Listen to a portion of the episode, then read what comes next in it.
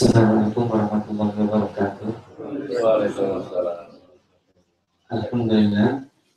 Alhamdulillah aziz wa ghafar. Asyhadu an la ilaha illallah wa asyhadu anna sayyidana wa maulana Muhammadin wa rasuluhu la nabiyya ba'da. Allahumma salli wa sallim wa barik ala hadha nabiyil karim wa ala alihi wa ashabihi ajma'in amma ba'd. Bapak-bapak dan ibu-ibu kaum muslimin dan muslimat, para pendengar dan sahabat dan murid di mana pun anda berada, kita bersyukur kepada Allah pagi hari ini kembali Allah mempertemukan kita dalam halaqah pada Quran Kita berharap dan berdoa mudah-mudahan dengan menghidupkan kita Al-Quran ini kita mendapatkan kemuliaan dan keberkahan dari Allah Subhanahu wa taala. Dan untuk selanjutnya nilai-nilai Al-Quran yang kita pelajari ini bisa kita terapkan sehingga apa yang kita impikan dan kita cita-citakan membangun peradaban untuk memimpin dan memanfaatkan potensi yang Allah berikan ini benar-benar betul bermanfaat bagi masyarakat yang ada di sekitar kita. Allahumma amin. Kita masih melanjutkan kisah tentang Maryam dan Isa alaihissalam uh, kita kemarin sudah sampai di ayat 45 Bismillah ta'ala pada hari ini kita akan terdahului ayat ke-46 dan insya Allah sampai 53 sebagai flashback kita ceritakan bahwa setelah Maria mendapatkan berita Maria ini yang merupakan kelanjutan dari kisah masa kecilnya Allah kisahkan di sini ketika dewasa. Maria mendapatkan amanah dari Allah Subhanahu wa taala berupa keturunan. Cuman yang menjadi menarik di sini adalah Maria harus menanggung beban yang cukup berat karena Maria akan hamil tapi tanpa didahului menikah dengan seorang laki-laki. Itu mungkin yang akan menjadi berat. Yang kedua dalam kaidah hal-hal yang aneh di dalam Al-Quran atau yang kharikul adat yang tidak lazim. Jika ada disebut nama maka biasanya tidak akan terulang lagi. Itu menurut sebagian pakar mengatakan bahwa ketika kejadian-kejadian aneh yang disebut namanya di dalam Al-Quran tidak akan terulang lagi. Di antaranya adalah Maryam jadi nanti jika ada seorang perempuan dia mengaku mengalami hal yang sama seperti Maryam, maka itu hampir bisa dipastikan perempuan tersebut berdusta nah, atau hal-hal lain. Nah, tapi kalau seandainya kita nanti suatu ketika ada orang yang dia e, mengaku dan bisa dibuktikan dia sudah tidur 300 tahun, bisa jadi benar karena dalam Al-Quran kisahnya ada, tetapi tidak menyebut namanya. Nah kita konsentrasi ke hal ketika Maryam sudah diberikan kabar gembira berupa kalimatun minallah yang merupakan Isa. Isa di sini kemarin disebut dengan Al-Masih. Al-Masih itu ada dua konotasi yang positif dan negatif. Ya, Al-Masih itu juga untuk Isa, Al-Masih juga disebut untuk Dajjal. Nah, Al-Masih yang Isa Ibnu Maryam ini memang memiliki dua sifat yang kita bahas wajihan fi dunya wal akhirah yaitu orang yang mulia dan terpandang baik di dunia maupun nanti di akhirat menonjol dan termasuk orang-orang yang mukarrabin. Mukarrabin ini uh, secara lafaz dia orang-orang yang Allah yang menghendaki dia dekat, bukan orang yang menjilat. Tetapi kedekatan ini betul-betul yang Allah akui, bukan Eh, sepihak diakui oleh Nabi Isa AS. Nah, kelebihan beliau berikutnya dijelaskan di ayat 46. A'udzu billahi minasyaitonir rajim. Wa yukallimun nasa fil mahdi wa kahdan wa minas salihin.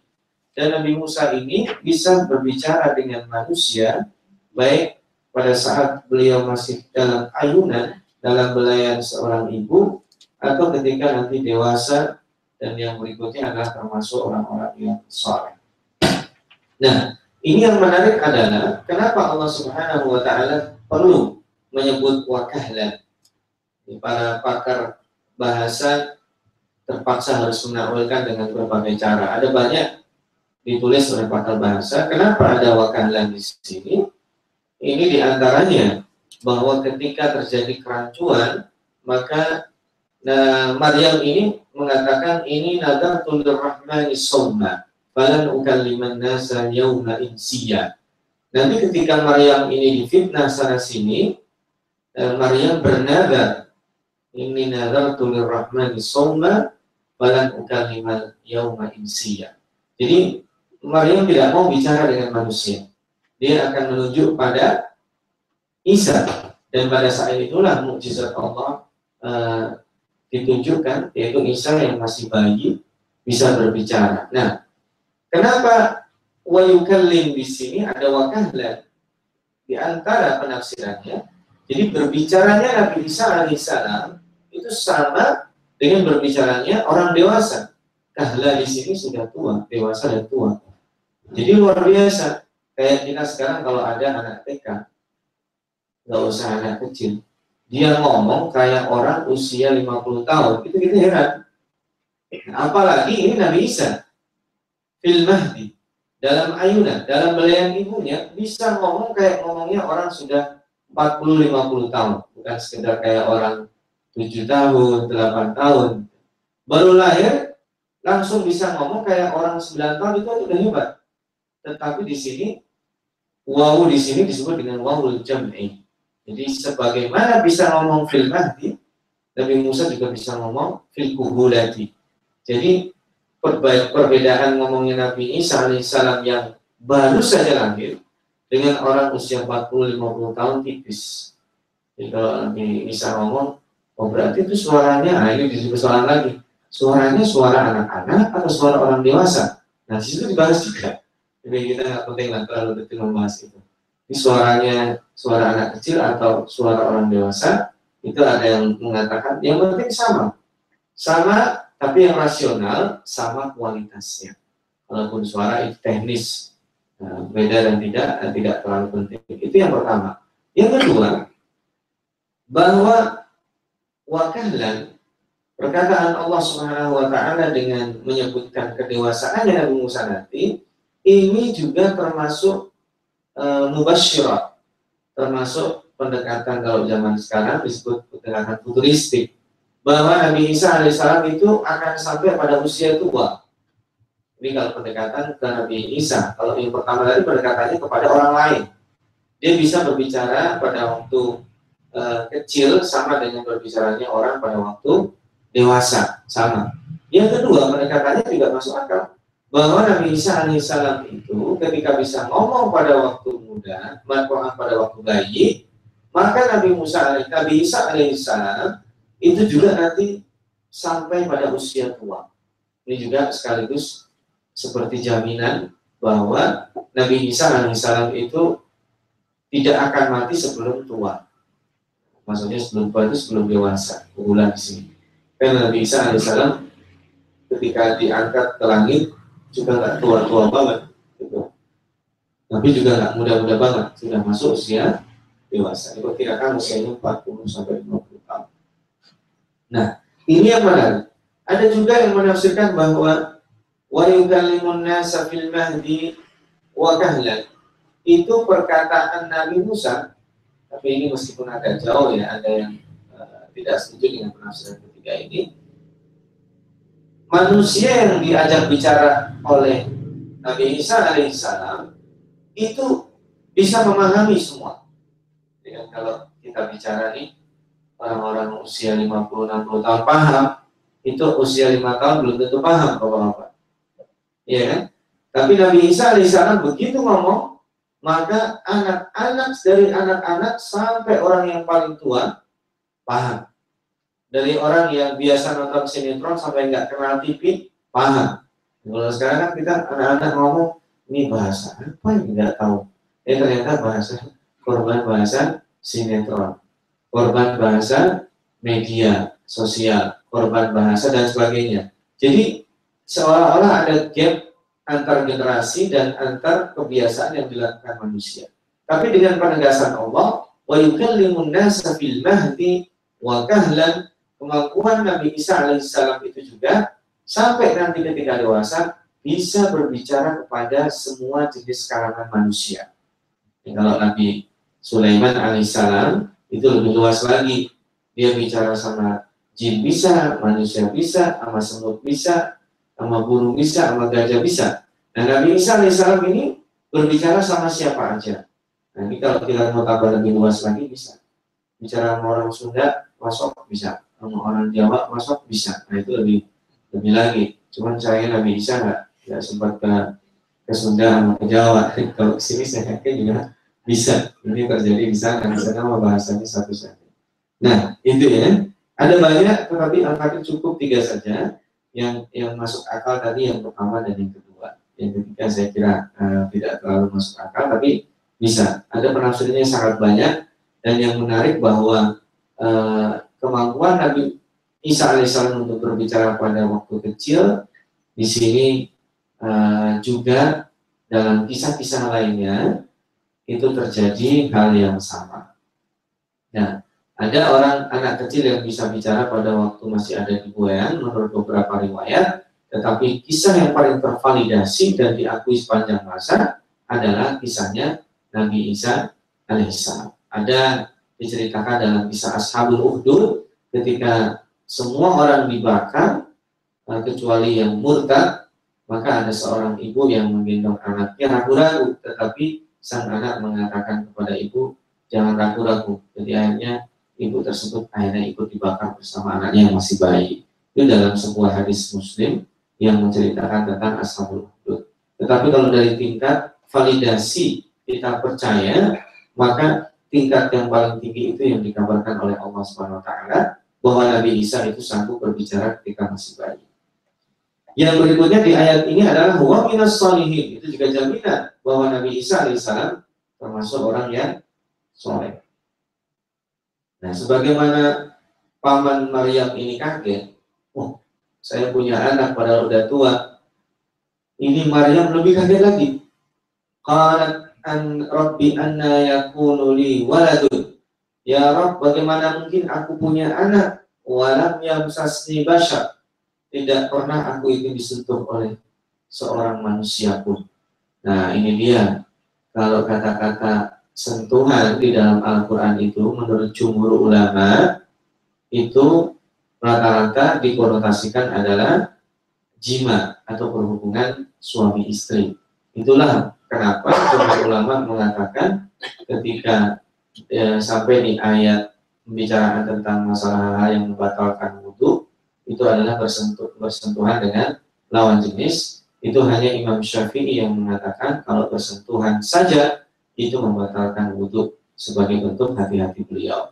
Di madhab lain ada beberapa perbedaan, ada yang sama sekali tidak karena yang dimaksud dengan persentuhan di situ adalah uh, berhubungan badan atau juga uh, madhab Imam Malik yang menengah itu disertai dengan uh, ada perbedaan rasa atau munculnya syahwat itu yang membatalkan itu. Nah di sini ini terkonfirmasi yang dimaksud dengan aku belum pernah disentuh seorang manusia pun itu juga mustahil. Nah, memang ada orang yang tidak pernah disentuh manusia, disentuh secara fisik pasti tidak ada. Nah ini yang dimaksud disentuh di sini adalah uh, berhubungan uh, suami istri. Apalagi memang jelas Maryam ini tidak punya suami. Nah, gimana nanti? Pertama, e, perkataan walam yang bashar ini bukan memberitahu Allah, tetapi bagaimana mungkin terjadi normalnya seseorang punya anak kalau sudah berhubungan suami istri. Nah, itu yang pertama. Jadi, oh, memang bisa. Nah, itu satu. Yang kedua, walam yang sasni bashar ini juga mengeluhkan kekhawatiran.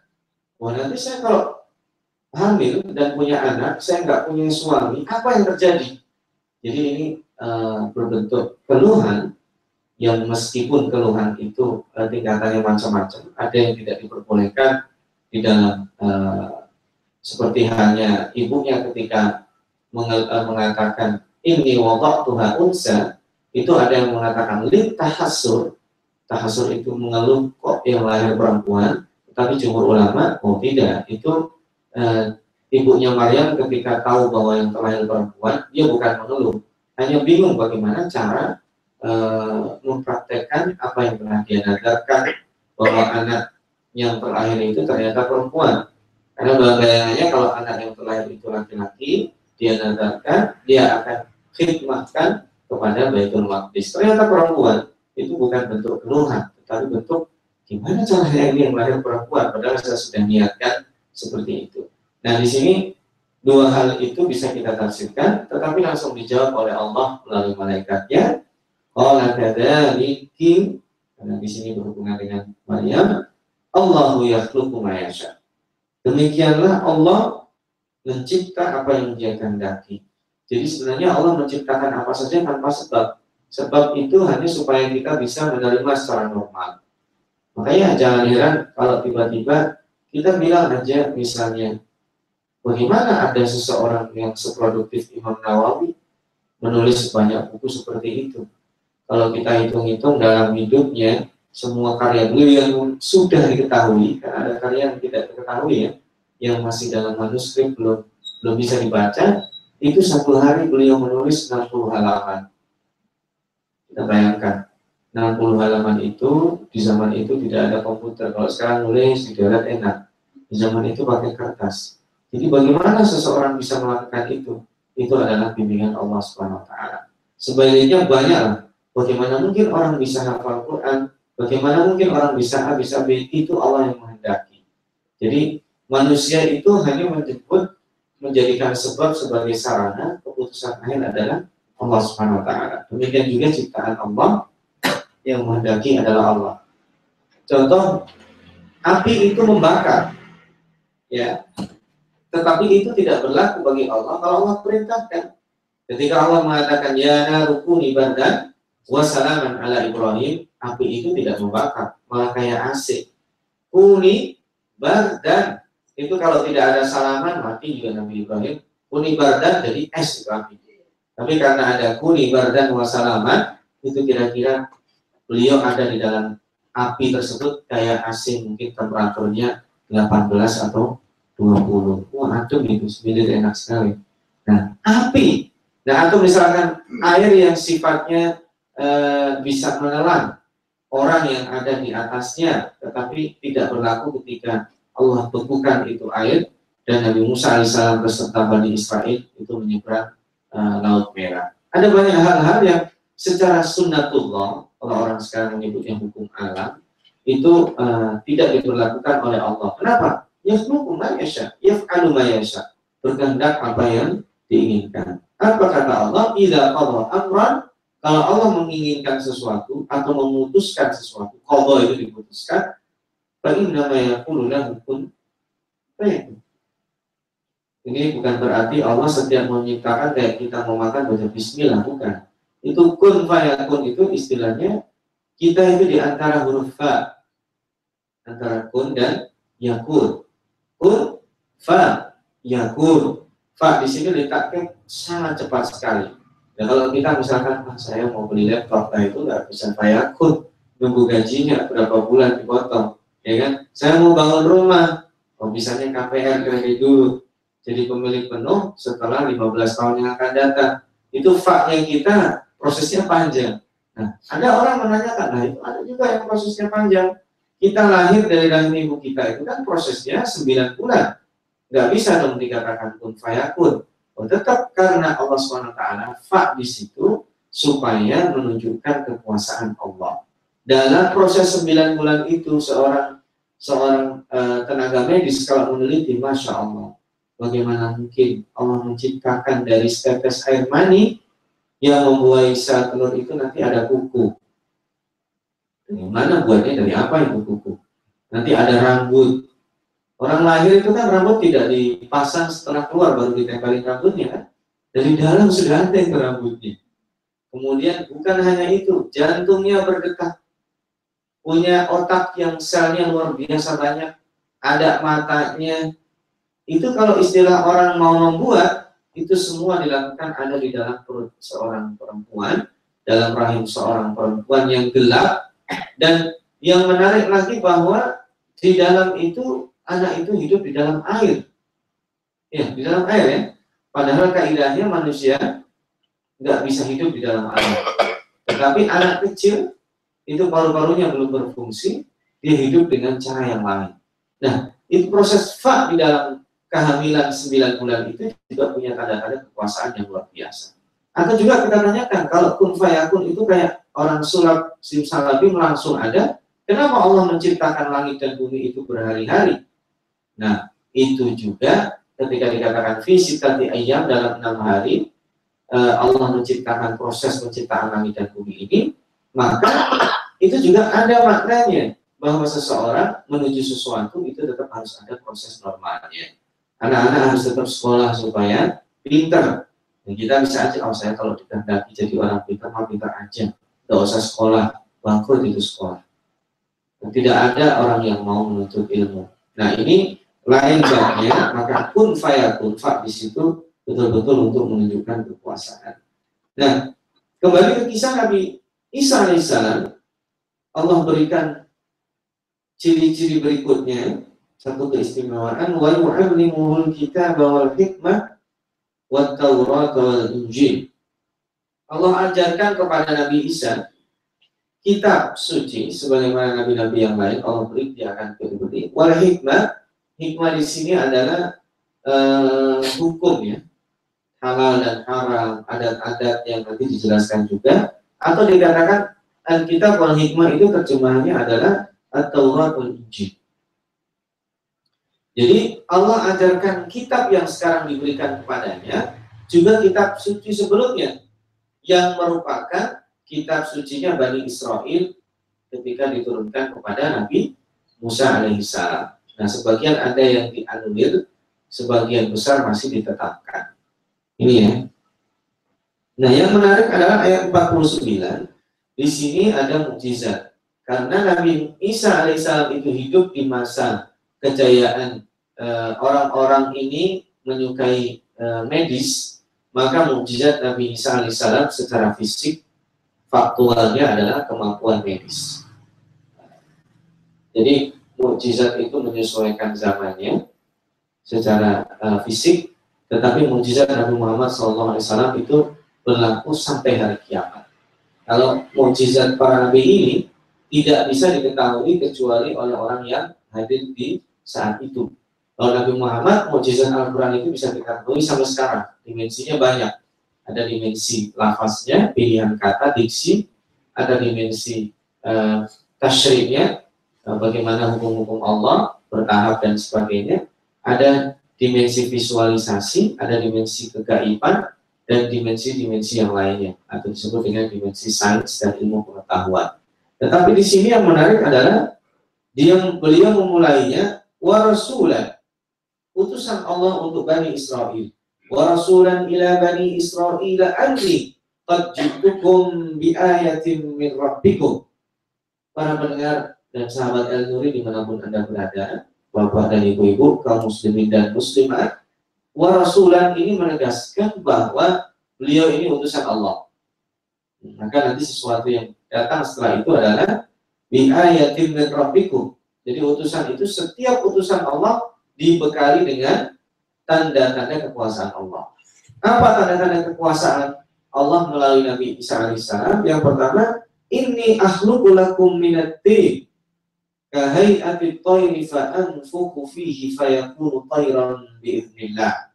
Jadi yang pertama, beliau ambil segumpal tanah, aktif, itu tanah yang basah. Dan itu bukan tanah kering ya. Tanah yang basah, mungkin kalau basah waktu saya di Jawa itu diistilahkannya dengan tanah lempung, tanah liat ya. Ya, tanah yang agak basah itu di, ada di lapisan yang kesekian, bukan lapisan paling atas di bumi kita. Itu diambil, kemudian beliau bisa membuatnya dalam bentuk e, burung ya. Dibuat itu tanah dalam bentuk burung, tapi itu ditiup. Gitu, ditiup. Fa'anfuhu fihi fayakunu. Yang tadinya bentuknya kasar tidak seperti burung sama sekali, langsung persis dari burung yang lainnya dan bisa terbang.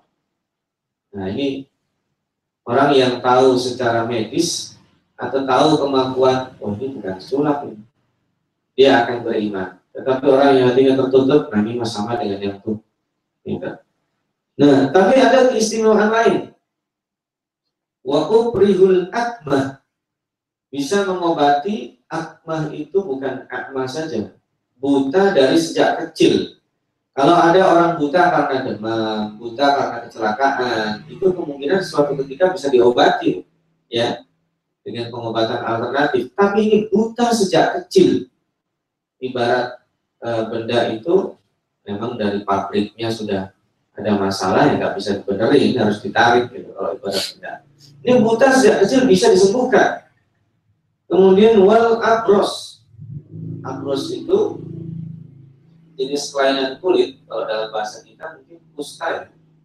Eh, penyakit yang mungkin kita jarang lihat intinya penyakit kulit yang tidak bisa disembuhkan atau uh, menjadi air nah, mungkin ciri-cirinya bisa kepala jadi botak karena rontok kemudian uh, kulitnya ada sesuatu yang tidak ini dilihat itu bisa disembuhkan oleh Nabi Isa alaihissalam dan wa uhyil mauta. Ini yang menarik bisa menghidupkan orang mati.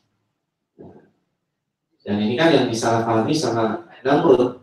Orang yang uhi wa umit, saya juga hidupin bisa matiin. Kalau saya bilang, eh kamu hidup, pengawal, jangan ganggu dia, dia hidup. Kalau saya bilang, kamu mati, bunuh dia, pengawal bisa mati. Bukan itu. Ini ada orang sudah mati, bisa dihidupkan dengan izin Allah Subhanahu wa taala. Ya. Ada lagi berikutnya wa unabbiukum bima ta'kuluna wa ma tadakhiruna fi buyutikum. Nah, ini tafsirannya banyak. Nabi Isa alaihissalam itu bisa ditanya. Sekarang kalau ibu-ibu ada yang di sebelah sedang makan, tanya saya, saya sedang makan apa Ustaz? Saya nggak bisa, nggak bisa jawab. Jadi kalau Nabi Isa alaihissalam tahu nih, oh ibu-ibu sedang makan uh, tahu dua biji warnanya kuning, yang satu tahu sutra, kemudian yang satu disemur, yang satu digoreng. Tahu kan bisa bisa. Atau juga tahu kebiasaan ketika orang datang, eh kamu sudah tiga hari ini kenapa makannya cuma uh, cuma nasi putih sama kecap? Tahu dia. Wa ma tadakhiruna fi buyutikum juga tahu. Oh, kamu di rumah ada lauk ini, ada lauk ini, ada lauk ini. Tahu. Ini hampir sama dengan yang uh, dipunyai oleh Nabi Yusuf alaihissalam. Cuman bedanya kalau Nabi Yusuf itu dikatakan takwilul ahadith. Beliau bisa mentakwilkan peristiwa. Di peristiwa ini maknanya begini. Cuman kalau Nabi Isa itu bukan mentakwil, dia langsung tahu. Nah, bahasa sekarang kalau saya, saya juga tidak sepakat yang disebut dengan paranormal. Ini sangat normal sekali. Nabi Isa alaihissalam punya keistimewaan seperti itu. Jadi, cuman kenapa di sini Kenapa? Kalau kita tanya, kenapa di sini yang diberitahu hanya makanan saja? Nah, makanan itu yang lekat sehari-hari dengan manusia yang mudah. Nah, kalau sekarang saya sedang makan misalkan di dalam mulut saya ada sebutir permen. Nabi Isa tahu nggak permen itu apa? Coba Nabi Isa, ini yang saya makan bukan iklan ya ini. Ini Kopiko atau Relaxa atau Nano Nano atau Exos. Nabi Isa tahu itu. Nabi Isa misalnya tahu oh ini exhaust makanya lima menit yang lalu oh, detil sekali itu mukjizat Nabi Isa alaihissalam itu yang dimakan sudah dua masih ada empat lagi di rumah. Nah itu wama dulu nanti buyutikum. Uh, dari yang remeh sampai yang paling besar. Nah ini menjadi mukjizat. Inna fi dzalika la ayatan ini semua digunakan dalam frame sebagai mukjizat tanda-tanda kekuasaan Allah melalui Nabi Isa alaihissalam. Diharapkan makanya di situ in kuntum mukminin supaya Bani Israel itu beriman. Coba kita lihat kita urut kalau yang tadi itu keistimewaan yang mungkin bagi orang wah ini ini keturunan tukang sihir ini bisa ngomong pada waktu masih kecil. Eh kemudian setelah besar ternyata ada keistimewaan yang lainnya. Dia tahu juga tentang Taurat, Taurat itu yang tahu cuma kakeknya kakek saya. Nabi Isa kok tahu? Dari siapa yang masih tahu kalau bukan dari Allah? Nah, itu yang diceritakan kan kayak ceritanya kakeknya kakek saya.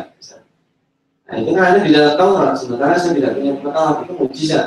Tapi bagi orang tertentu, karena kayak itu mungkin bagi orang yang punya keturunan atau kalau bahasa sekarang orang yang pendidikannya tinggi misalnya. Nah, tetapi untuk orang-orang awam Allah sediakan apa mujizatnya tadi? Yang pertama bisa e, menjadikan benda-benda mati bergerak bernyawa. Yang kedua mengobati penyakit yang secara medis tidak bisa disembuhkan, buta dari kecil dan kusta. Kemudian yang ketiga menghidupkan orang yang sudah mati menjadi hidup. Yang keempat ini yang menarik, kelihatannya remeh tapi tidak bisa dilakukan oleh orang lain, yaitu bisa menyebutkan apa yang sedang dimakan seseorang dan apa yang sedang uh, dia ada di dalam rumahnya. Ya.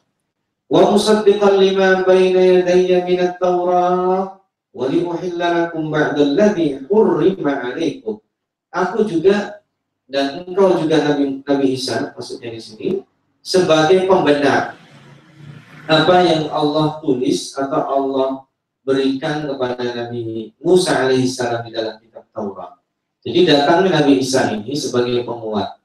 Ini menandakan bahwa syariat Nabi Musa alaihissalam itu hampir semuanya dibukukan oleh syariat Nabi Isa. Ya, ini musaddiqan itu bukan berarti mengumpulkan saja, tetapi mendukung. Karena sebagian ada yang dianulir. Bukti ada yang dianulir. Wali uhillalakum ba'dalladhi hurrima alaikum. Ini mungkin kita perlu membaca lebih banyak.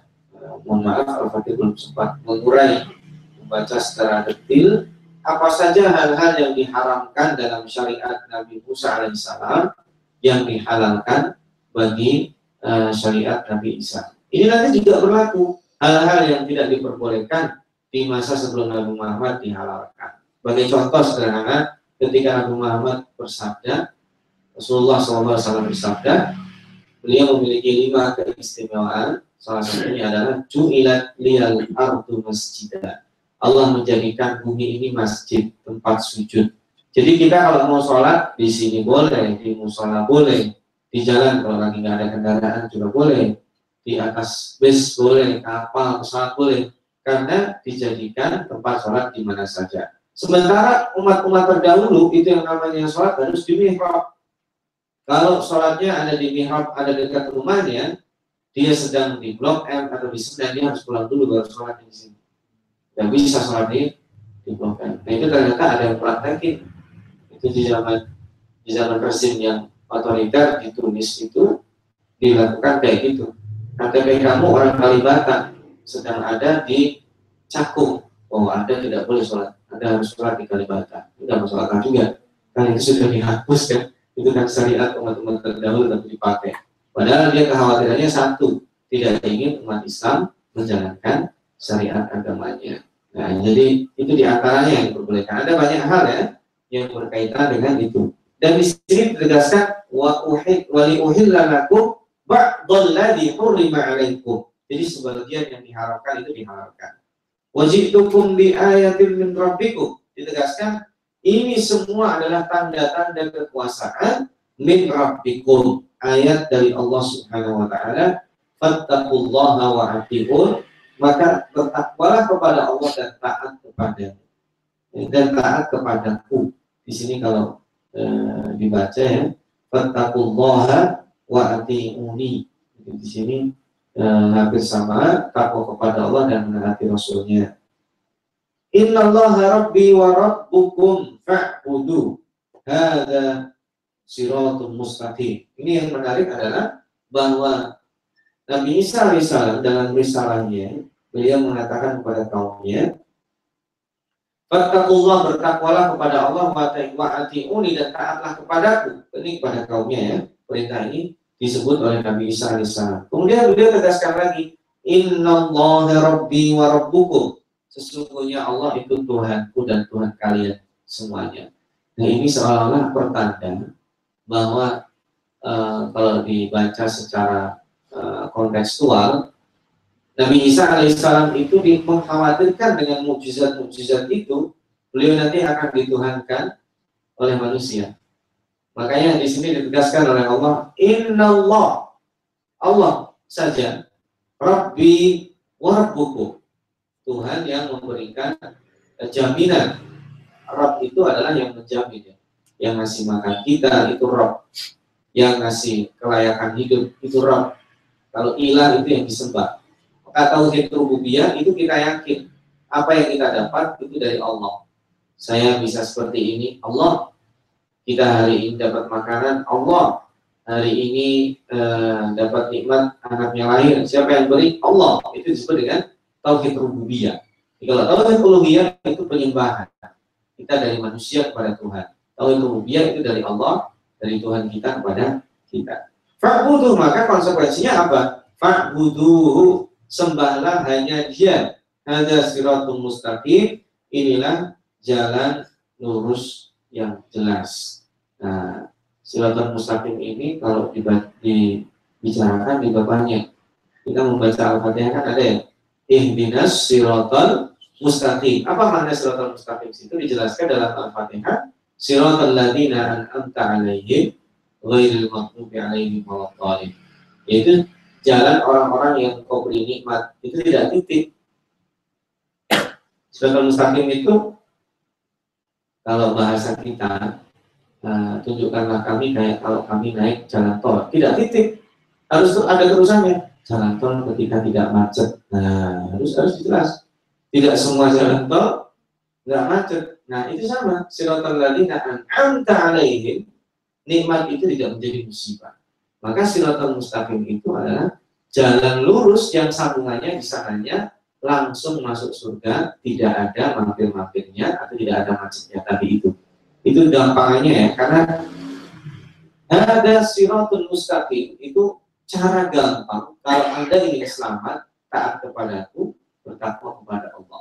Allah saja yang kalian sembah. Itu gampangannya kayak gitu kalau bahasa kita itu gampangannya udah nggak usah hidup macam-macam, kamu taat sama sama Rasul, bertakwa kepada Allah Subhanahu wa taala. Itu sudah cukup. Itu disebut dengan silatun mustaqim. Tafsirannya sangat banyak, tapi cukup yang ada dalam surat Al-Fatihah kita bisa memahami. Ayat terakhir yang kita diskusikan pada kesempatan kali ini adalah sebenarnya di sini ada potongan berikutnya kalau yang tadi itu adalah membuktikan tanda-tanda kekuasaan Allah ayat 52 ini adalah respon Falamma ahassa Isa minhumul kufra qala man ansari ila Allah setelah Nabi Isa berdakwah di sini fakta takkim juga bahwa proses dakwah itu tidak semuanya mulus ada orang yang dakwah didengerin semua Eh, habis didengerin tidak diterima.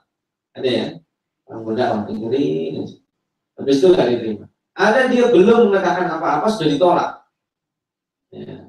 Ada orang, ah ini mau ke sini pasti mau ini dah, harus terima. Ada juga jenis kayak gitu. Nah, falamma ahassa Isa, ketika Nabi Isa merasa di sini ada ada kendala dalam penggunaan bahasa. Kenapa di sini bahasanya ahassa? Ahassa itu itulah keterbatasan bahasa Indonesia kita ya ahassa dengan uh, yashur itu yashur dengan yahus merasakan itu beda kalau ahassa itu dengan ihsan itu dengan indra kita itu kan ada berapa? Ada lima ya. Indra keenam itu punyanya para ada lima indra penglihatan indra pendengaran nanti ada untuk indra pengacak ya dan sebagainya. Ada lima. Nah ini masuk yang mana? Kalau ditanyakan coba. Walama ahasa masuk yang mana bapak dari ibu nggak masuk kan? Ahasa itu nggak bisa dengan dilihat. Nggak bisa dengan didengar. Tidak bisa apalagi dikecap dengan dengan lidah. Apalagi diraba dengan tangan. Nggak bisa. Maka di sini ada yang ini berarti termasuk harus ditakwil. Dan yang berikutnya min humul kufro. Kekafiran itu juga nggak bisa dengan perasaan, nggak boleh. Saya, oh, menurut saya ini saya rasa Bapak A ini sudah kafir. Boleh nggak kayak gitu? Nggak boleh. Menentukan seseorang itu kafir itu lebih berat. Orang ini murtad. Wah, itu harus bukan macam-macam. Apa? Saya rasa dia, oh nggak boleh harus jelas dalilnya bahwa seseorang itu murtad atau kafir karena apa? Karena dia konsekuensinya berat. Sama. Dalam jangankan dalam murtad atau kafir, seseorang berzina itu juga syaratnya tidak ringan. Maka menuduh seseorang berzina dengan menuduh seseorang kafir meskipun hukumannya berbeda tidak ditentukan dalam Al-Quran seseorang yang menuduh kafir tapi konsekuensinya besar. Kalau ada seseorang menuduh anda kafir, anda murtad, maka salah satu dari keduanya itu menjadi bukti. Kalau kita menuduh sama seorang muslim, yang kafir. Nah, tidak boleh. Yang menjatuhkan vonis hukuman itu kafir atau murtad adalah pengadilan tahkim. Ya. Nah, singkatnya begitu ya. Yang kedua, bahwa ini ahasa menandakan bahwa Nabi Isa AS punya mukjizat berikutnya. Apa mukjizat berikutnya? Nabi Isa AS bisa merasakan ini udah pembangkangan banyak terjadi. Ini juga mukjizat. Meskipun mukjizat negatif. Atau kalau bagi kita, sebagian orang mungkin diberikan kelebihan bisa merasakan sesuatu yang positif, bisa merasakan sesuatu yang negatif. Itu bagi kita mungkin sebagian ada yang mendapat, tapi tidak seperti yang Nabi Isa Penafsirannya kira-kira seperti itu. Beliau setelah melihat respon atau melihat ciri-cirinya, ini saya berdakwah bukan hanya sekedar not responding, tetapi responnya negatif. Ini merasakan bahwa berarti yang kafir itu menjadi dominan. Beliau langsung, mana ansori Allah, siapa yang menjadi, kalau bahasa kita, pasukan berani mati saya. Bahasa kita. Mana ansori Allah itu yang mau menjadi penolongku menuju uh, Allah. Nah. Kalau hawari, hawariyun itu adalah uh, para penopangnya itu mungkin divisualisasikan dan di, di atas ratikan itu ada beberapa orang itu yang disebut dengan kawan yang menjadi membentengi Nabi Isa alaihissalam di mana pun berada. Jadi kalau ada orang mau membunuh Nabi Isa, itu mereka yang siap menjadi penolongnya. Hawari. Nahnu ansarullah. Kita di sini adalah penolong Allah. Maksudnya penolong Allah itu kami yang akan mengamankan dakwah Anda. Amanna billah. Pertama syaratnya saat kalau saat jadi pas pampresnya. Kami percaya kepada kualitas anda. Ya gitu. Kalau ada pengawal dia nggak percaya sama saya ya. Cuma kan? Kalau saya membuat saya meng-hire uh, satu tim pengamanan untuk saya pribadi itu artinya harus dipastikan dulu bahwa tim tersebut harus percaya sama saya. Kalau nggak percaya ya susah. Percaya dalam artian percaya bahwa orang ini layak dilindungi. Itu kalau makhluk kalau di sini adalah utusan Allah, aman nabilah. Kami percaya kepada Anda, Anda adalah utusan Allah. Syarat pertama, wasyhad dan saksikan wahai Nabi Allah bahwa kami semua yang menjadi awali di sini, yang menjadi ansarullah, bi anna muslimun. Bukan hanya beriman saja, tapi kami juga muslim. Nah, ada kaidah iman dan Islam kalau dipisah artinya bisa sama, iman dan Islam kalau dikumpulkan artinya berbeda iman itu dimensinya adalah dimensi spiritual keimanan terhadap dalam kita, maka Islam di situ dimensinya adalah dimensi pembuktian, manifestasinya. Anda beriman buktinya apa? Saya sholat, nah itu Islam.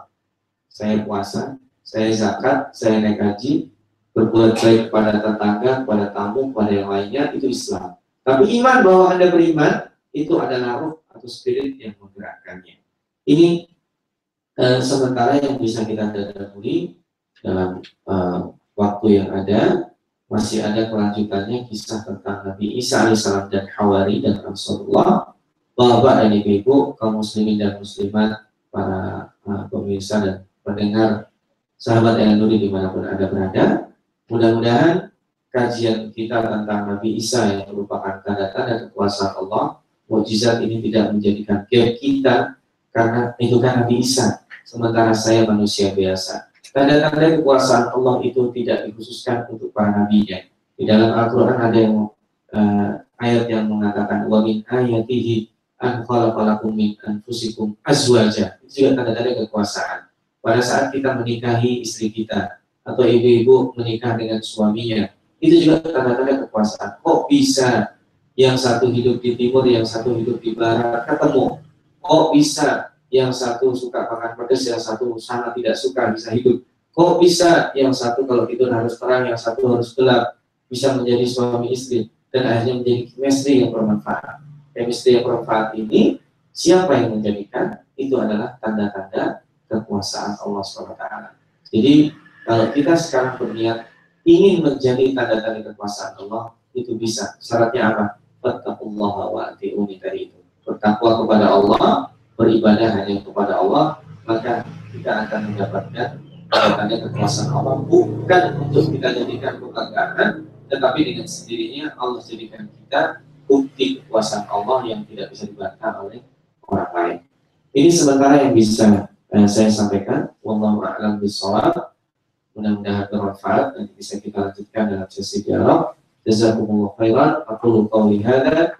Ja'alana Allah minal ladzina yastami'una al-qawla ahsana. Wassalamualaikum warahmatullahi wabarakatuh.